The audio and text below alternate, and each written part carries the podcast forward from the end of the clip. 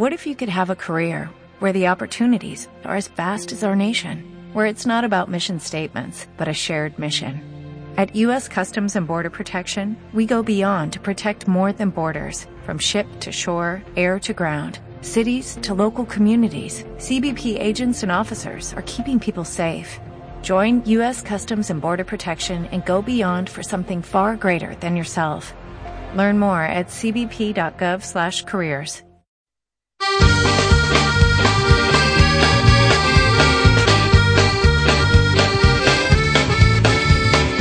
Ola, que tal? Saúdos a todos e a todas, saúdos dende aquí, dende Radio Leiros Se damos esa benvida unha semana máis a este a contracorrente, a este espacio, a este tempo de conversa que mantemos cada semana aquí con Ángeles García Portela que por certo, mmm, agora imos ter unha pausa sí. eh, porque Ángeles vaise de viaxe eh, o seu regreso por retomaremos retomaremos o programa eh, xa saben que poden seguila en, no seu blog angelesgarciaportela.com ali poden seguila poden comentar as entradas do seu blog en fin, participar eh, tamén activamente. Eh, con ese blog sirvenos a nós tamén un pouco de fío conductor deste espacio para comentar a actualidade. Mm, bueno, temos que falar eh, sin dúbida do, do tema do, do Tribunal Supremo, non? Sí. E desa sentencia que de repente parece que se vai a revisar algo inédito na sí, además, a sentencia bueno, que falamos da sentencia sobre sobre os impostos das hipotecas. Sí, pouco dura la alegría en la casa del sí. pobre. Todo el mundo pensando reclamar y ya pensando en dónde se iban a gastar el dinero y 24 horas. O sea, eh, según expertos juristas dicen que eso no se puede hacer, que es inamovible. Pero bueno, vemos que eh, al final cuando se necesita eh, se puede hacer todo. Xa. Eh, eh, Díaz Picazo pide tempo coa sentenza dos actos xurídicos documentados das hipotecas. Non? Sí. Díaz Picazo, Picazo é o, o presidente desa sección, non? De... Sí, es presidente de la sala tercera, Para el Tribunal Supremo tiene cinco salas, la primera lo civil, la segunda penal, la tercera contencioso administrativo, la cuarta lo social y la quinta de lo militar. La sala tercera justo es la que se encarga de estas cosas uh -huh. de la banca. No en vano habían puesto a Sastre Papiol eh, en el momento de las preferentes y de los swaps sí. a instancias de Fainet, lo había puesto Gallardón. Entonces es un sitio clave para los intereses de la banca. Uh -huh. eh, eh, Luis María Díez Picazo, bueno, ya entró ahí Mm, de una manera de aquella manera por el quinto turno, mm. es decir, eso parece que siempre tiene una fue excusa, o propio ¿no? Lesmes que, sí. que y, parece que, que, Y cuando estaba allí y resulta que estaba de presidente de esta sala tercera, de lo contencioso, eh, Sieira. Había una ley no escrita que normalmente repetías mandato dos veces, ¿no? Uh Pero Lesmes, mm, bueno, hombre de, de FAES, eh, dio cursos allí y este, el Díaz Picazo parece que también. No se sabe si es porque eh, era por el perfil conservador de Picasso o por la manía que le tenía el Siera, pero lo cierto es que movió a Roma con Santiago hasta ponerlo. Es más, el Siera hizo un escrito diciendo que había, que encontraba eh, índices de desvío de poder e incluso su caso lo llevaron a la ONU dos asociaciones uh -huh. de. Decir, ya entró de aquella manera. O sea, Ahora este home eh, apela a, a, a enorme repercusión económica e social que, que vai ter esa, esa sentencia, ¿no? Claro, lo mismo que hicieron con las cláusulas suelo, que al final Europa le dio la razón a los consumidores. Es decir, tú tienes que, una sentencia tiene que ser justa, ¿no? Tienes que pensar en la repercusión social. Es lo que es y punto, ¿no? Claro. No eres tú el que te encargas de si eso. Si está mal, eh, decir, si se fixo mal, si pagaron, si pagou que non tiña que pagar, bueno, hai unha sentencia agora dice, oiga, devolvan os cartos a que nos pagou indebidamente, que os pague que nos ten que pagar. o marxe de que eso pois pues, eh, eh, lle coste máis ou menos cartos á banca, vamos. Claro, alguén alguén censurou eso, dice, non se pode llevar eh, la, la filosofía de los mercados a un tribunal mm, de justicia, de justicia. Claro, claro. claro. Eh, bueno, este este home Luis María Díez Picazo, eh, o que está ahora mismo no Candelero porque foi o que um, esa, esa reunión, convocou esa reunión para... Claro, porque él es presidente de la sala y la sentencia, según dice, se enteró por la prensa, con lo cual pidió tiempo, ¿no? Y pidió que se reunieran todos. Que voten los, en pleno todos los, eh, los presidentes de, de la sala o el pleno de, de la presidencia, pero dicen que eso, ¿cómo va? ¿Qué, qué idea tiene alguien de lo militar o de tal, de algo que realmente sí, claro. los que lo saben son los que han dictado sentencia, que son los de la sala específica para eso. Exacto, ¿no? digamos, son os, especialistas nesa materia, claro, claro en claro. cuestión de impostos. ¿no? que o tema que que o tema que nos que nos ocupa.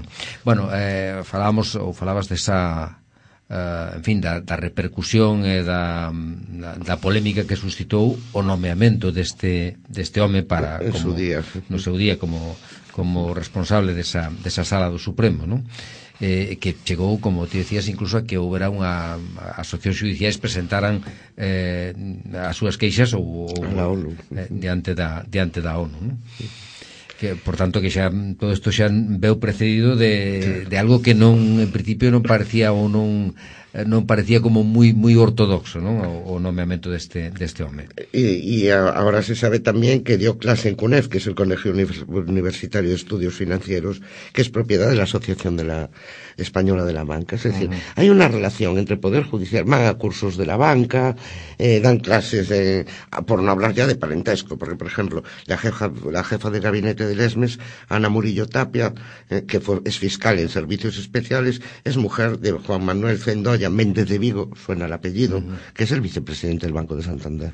Es decir, que hay unas conexiones xa. tremendas, non? hai aí moitas moitas conexións que en fin chaman a chaman cando menos cando menos a atención, non? Eh, este home que se enterou pola prensa, non? Da, da resolución que... Sí, bueno, la, la Asociación de Jueces para la Democracia pide la dimisión de él, porque además eh, no, eh, realmente se enteró por la prensa, no estaba enterado de que se iba a dictar sentencia.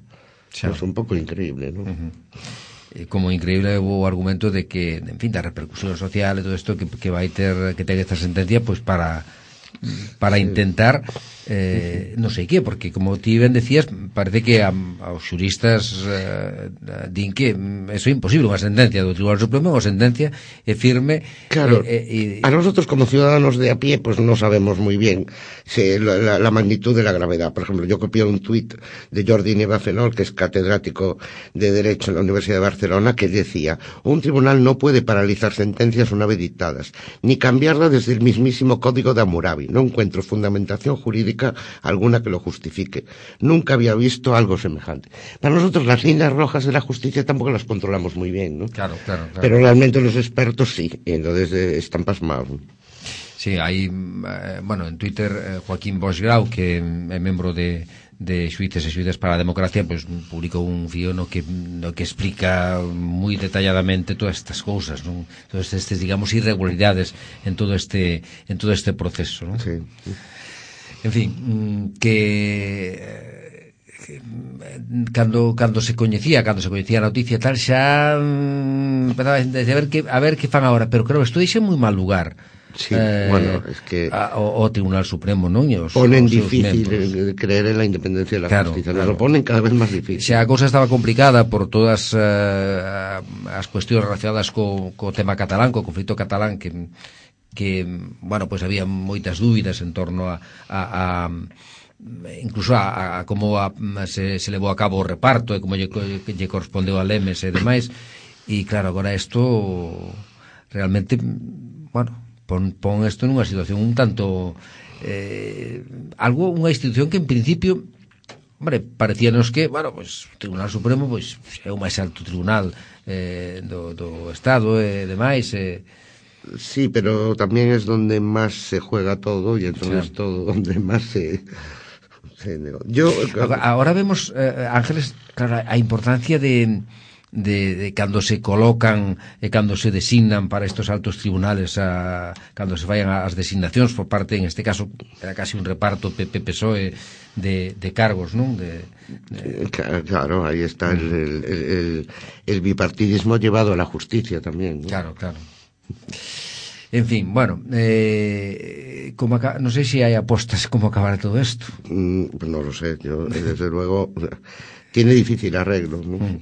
De todas formas, hay dúas, ahora pues non sei dúas semanas de plazo para, para xuntarse e, e bueno os que en fin manejan os, a cuestión dos cartos din que a bolsa baixa ou sube en función de as noticias que chegan eh, o IBES, eh, as empresas sí. do IBES en función das noticias que chegan pois eh, tamén fa, hai, hai, hai en ese caso maniobras para de que sube baixan os, as accións dos bancos, non? Pero bueno, pero que lo digan claro, entonces el IBEX sube siempre cuando no, nos, no tenemos para comer el pueblo, entonces ya, que lo digan directamente.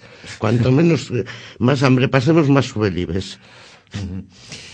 Bueno, eh, non sei se hai algunha cuestión máis eh, queres comentar con, con respecto a esta... Bueno, eh, unha vez que bueno, vi quién era el señor, tamén sí, vi el origen, una, una que es lo que decimos, ¿no? Hay un hilo conductor en donde los puestos clave hay una, con un continuismo desde todas las familias que enlazan, ya no solo en el franquismo, sino en el siglo XIX, en la restauración, ¿no? Mm. Y este señor, eh, Diez Picazo, no podía ser menos. Su padre fue un jurista famosísimo, eh, su abuelo, su bisabuelo, quiero decir, son sagas, ¿no? Eso por sí. un lado. Y igual que su abuela materna, ¿no? que es hermana de otros juristas. Quiero decir, eh, que se ve que, bueno, la igualdad de oportunidades igual funciona para el juzgado de familia de, y, y de jueces que son realmente independientes y que están haciendo trabajo. Pero que a medida que subimos a la cúpula, la igualdad de oportunidades pues se va limitando como como vemos a, a, a juzgar por el origen mm. de las familias que vemos que representan. ¿no? O sea, que al final un mariscal hay... de Gante, pero es que se podía hacer un trabajo de todos ellos. sí, sí, sí. O al final hay ahí eh, hay un círculo muy muy muy reducido de, de, de escollidos que son los que Es como un teatro, te hacen hueco en, en platea, pero el palco no lo sueltan, ¿sabes? claro. Bueno, eh, falamos de cambiamos de asunto falamos da desigualdade e dos seus efectos. Recolles... Sí. Eh... Bueno, coleccioné sí. los artículos porque dije, sí. yo, bueno, cuando tenga un montón lo, los publico juntos. ¿no? porque además eh, los artículos son de Antón Costas, nada sospechoso. ¿no? por eso. Liberal, del Círculo de Empresarios de Barcelona, y ya empieza estas voces, como en el siglo XIX empezaron a ver lo mal que vivían los pobres, y mm. apareció la novela realista y Pardo Bazán denunciándolo, pues parece que hay voces en el seno del mismo, de la misma élite que se quejan y que dicen que vamos mal. ¿no?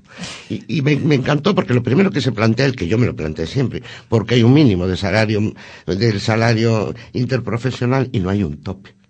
Sí, sí, sí, hay... Lo hay en las pensiones, pero eh, no hay tope para ejecutivos, ¿no? Y eso pero, lo plantea. Claro, pero tienes que rápidamente como saltan os resortes cando eh, se fala de, bueno, hai un acordo para eh, subir o salario mínimo e de repente pois reaccionan todas las eh, reaccionan todos a unísono y, y saltan ahí como un, como claro. un resorte. ¿Qué vaya a pasar? Que esto vaya a fundir a economía. Claro, además. porque tienen mantras, ¿no? Es decir, si le pagas menos al ejecutivo, la empresa funciona mejor. Esas mentiras, porque no es verdad.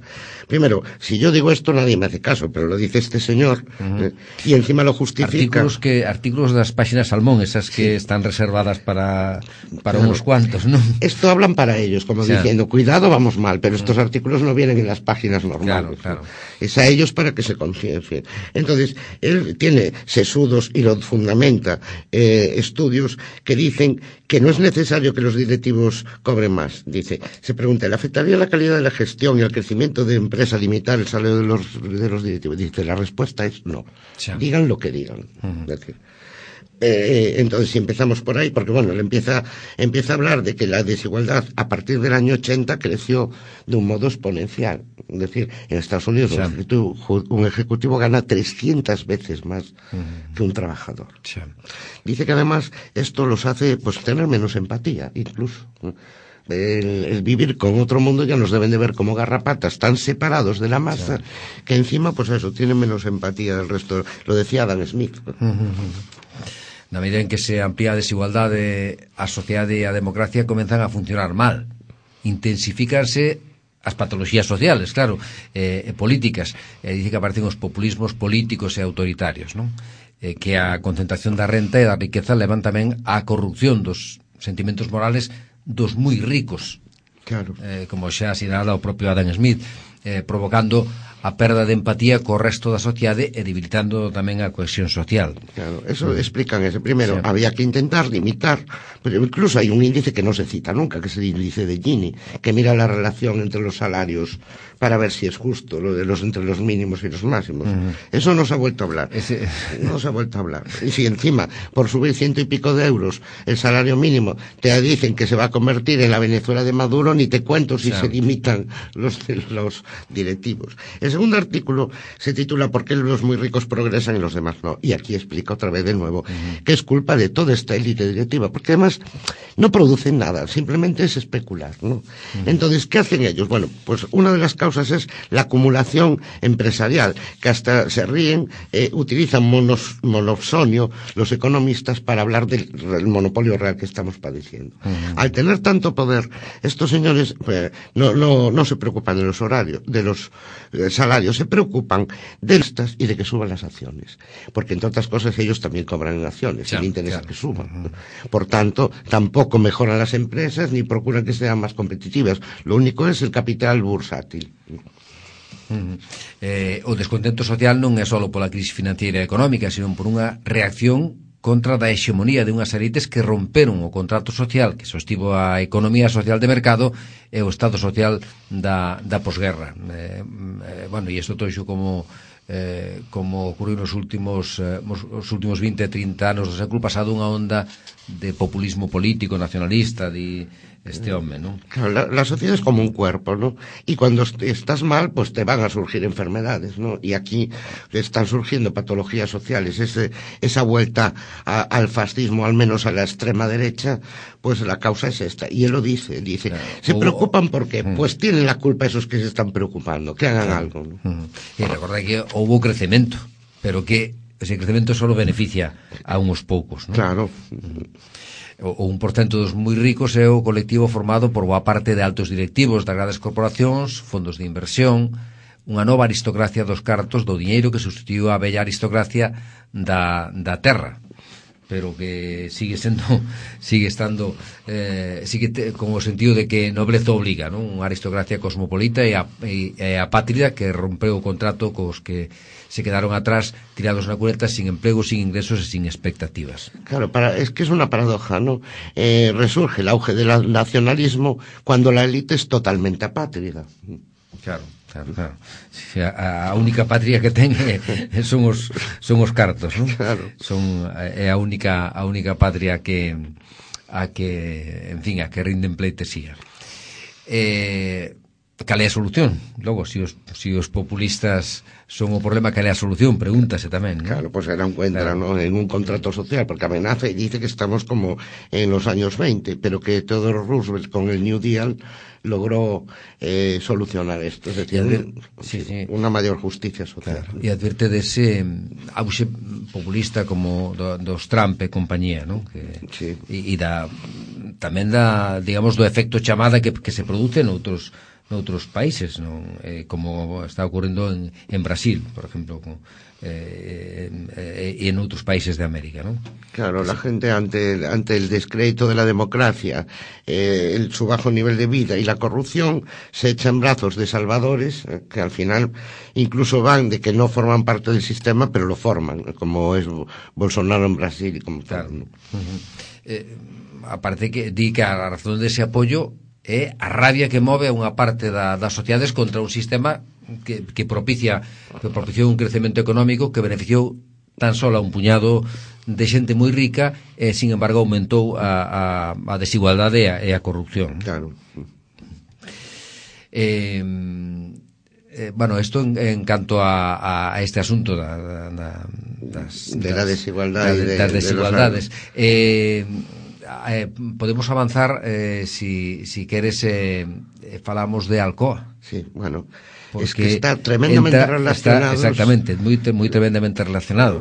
Una cosa como, Algo que nos toca como moi moi cerquiña aquí, que vemos ahora mismo estos días, pues bueno, como los trabajadores eh, están ahora... Y ver las caras de la manifestación de los hombres que se ven en la calle parecían la, la 900, ¿no? Porque es gente que llegó a una... Y bueno, es otro de los tópicos, ¿no? Que lo privatizado funcionaba mejor. eh, lo que se obvia es que el Alcoa llegó a ser una empresa pública. Exactamente, Nadie sí. lo- Eh, na- nadie, nadie- recorda efectivamente eh, a antigua Inespal y cómo eh, estas empresas no seu momento se privatizaron para que fueran rentables, Sí, para sí. que mm, porque eso iba a traer prosperidade. Claro, porque el Estado gestiona mal, gestionaba mucho mejor la empresa, la empresa privada, y lo estamos viendo. Pues ¿qué pasó? Eh, se vende, eh, se, se privatiza y a partir de ahí hay dos problemas. Uno, eh, el precio de la luz, que ya es la cruz de la moneda también. ¿no? Se han privatizado por la liberalización del mercado y nos decían que barata y resulta que el precio de la luz está estrangulando la economía de las empresas.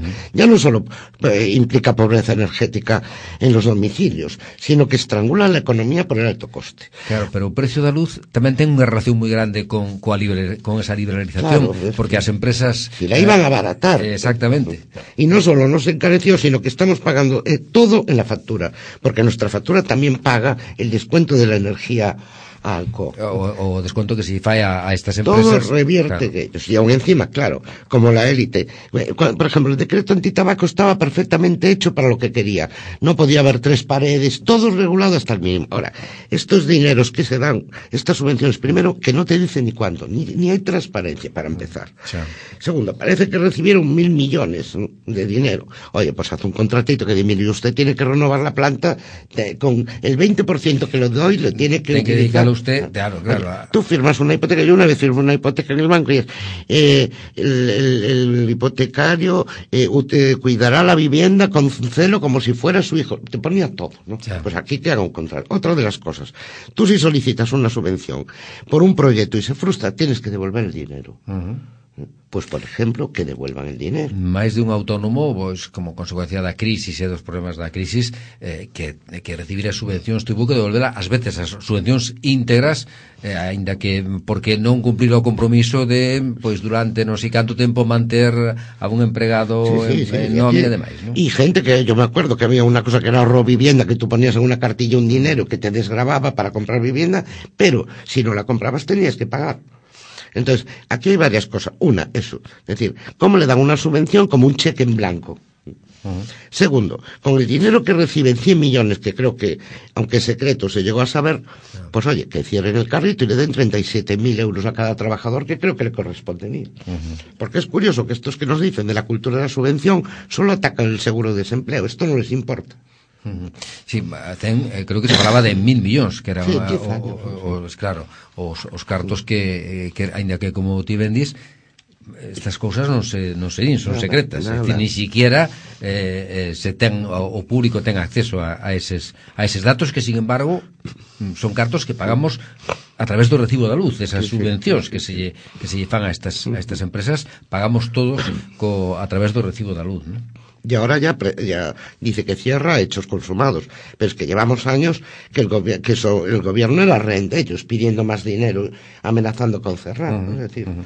Era una especie de chantaje recurrente mm, cada vez que, mm, eh, que eso, ah, si non me abaratan máis a energía, eu pecho. Entón, pues andábamos aí a, ah, en ese, nese xogo no que ademais os ciudadanos en xeral os consumidores de, de, de enerxía que somos todos pois éramos reféns tamén da, sí, sí, de alguna sí. medida desta destas destes chantaxes, non? No, por solución hai o que le den el dinero a los trabajadores, cierren el outra de las cosas es volverla a recomprar por un euro simbólico. Que ah. problema hai? Claro. ¿Qué problema hay? Porque ellos dicen que es el precio de la electricidad.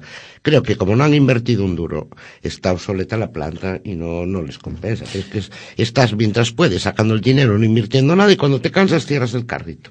Pero claro, efectivamente, como ti decías, eh, porque tampouco había hai un, un, un control ou unha exixencia por parte da administración que entrega eses cartos, que entrega esas subvencións, oiga, vostede garantíceme que isto vai ser rentable e para eso, eso necesita que haxa unha, unha inversión na, en tecnoloxía na planta para que non se vaya quedando obsoleta e que non me diga des, vostede despois ao cabo de de cando xa non interesa agora me voi porque claro. porque xa non me interesa e a planta está obsoleta non? ou debe... Pero Pero esto es práctica habitual en todas las empresas. Yo estoy esperando que pidan perdón todos los señores que nos vendieron la moto de que lo privatizado funcionaba mejor y que abarataría los costes. Pero no solo no piden perdón, sino que siguen en, la línea. ¿eh? sí, es decir, tienen la realidad en contra y tienen la tremenda cara de seguir defendiendo los mismos principios.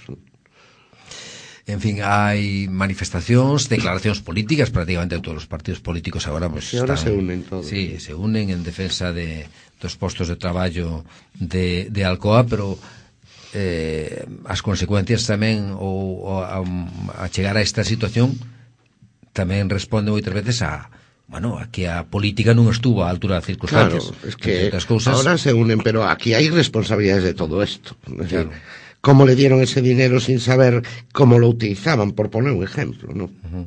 Ou como eh, en fin, a, a algúns que aínda añoran tanto a, a José María Aznar e, a súas, e o seu milagro económico pois como eh, durante a súa etapa pois se foron privatizando bueno, empresas eh, tú pones, regalando pones EPI en, en internet y te vas a la Wikipedia y ves todas las, todas las empresas que privatizaron y el 99% fue en época de Aznar. Xa, por eso, por eso. En fin, eh, que xa nos queda moi poquinho tempo mm, Falemos do de Jaime Pérez Renovales Aunque seña así un pouco por enriba Sí, bueno, estas son las típicas cosas que a veces te chocan ¿no? Jaime Pérez Renovales que estuvo con Rato uh -huh. en el periodo de andar, que por cierto estoy esperando a ver si entra o no entra Rato en la cárcel, que tiene que ser pasado mañana. ¿no? Todo sí. un símbolo que el mejor ministro sí, sí, de la democracia acabe en la cárcel. Bueno, pues este señor estuvo con el gobierno Aznar y dio una espantada y se fue al Banco de Santander. Bueno, detuvo hasta que el gobierno Rajoy lo volvió a reclamar volve outra vez a, Administración Pública y vuelve a, a dar una, una espantada que al mes volvía a estar en el Banco de Santander. Bueno, esto es normal eh, los hay de ida y vuelta ida. Es decir, salió y volvió al mismo sitio. Y además, otra cosa de la ley, no tuvo que pedir porque volvió al sitio que había estado. Lo cual casi me parece peor todavía que pedirlo sí. si no has estado, ¿no? Dice, bueno. sí, sí. Sallo de aquí, volvo a, a, Administración Pública como se, subsecretario da Presidencia, eh, logo, pois, cando eso Vas, volvo outra vez a, a, a banca privada o... Sí, pero es que yo lo veo peor, porque si tú estás en el gobierno y vas a un sitio tienes que pedir permiso, pero si vienes del sitio del gobierno y vas no tienes que pedirlo. Eh, vamos, me parece increíble. Uh -huh. Pero lo que más me chocó es que fui a la página web del Banco de Santander y ya, pues, pues así, de frente y por derecho. Uh -huh. En el Banco de Santander desde el 2003. Es decir, obvia el Esa tiempo etapa, que ha estado en el gobierno con Rajoy. Igual que estuvo tamén no goberno pues, eh, como claro. membro do, do Banco Santander. Claro, tamén. es que dices tú, primero, se olvidaron, no lo pusieron porque quedaba feo, decir se fue y volvió. O, o, o, o realmente siguió trabajando para ellos. Se me ocurren tres preguntas. ¿no? Sí. En fin, que nos quedamos sin tempo, Ángeles, bueno. que como sempre un placer, moitísimas gracias por acompañarnos estes minutos, por comentar todos estes temas de actualidade, xa saben que poden seguila no seu blog, ángelesgarciaportela.com eh, que, bueno, despois de, de un, un paréntesis volveré, un paréntesis, que para mí tamén é un placer. Eh, volveremos a contar aquí con Ángeles. Moitas gracias, Ángeles, e, en fin, que bon viaxe e hasta a volta.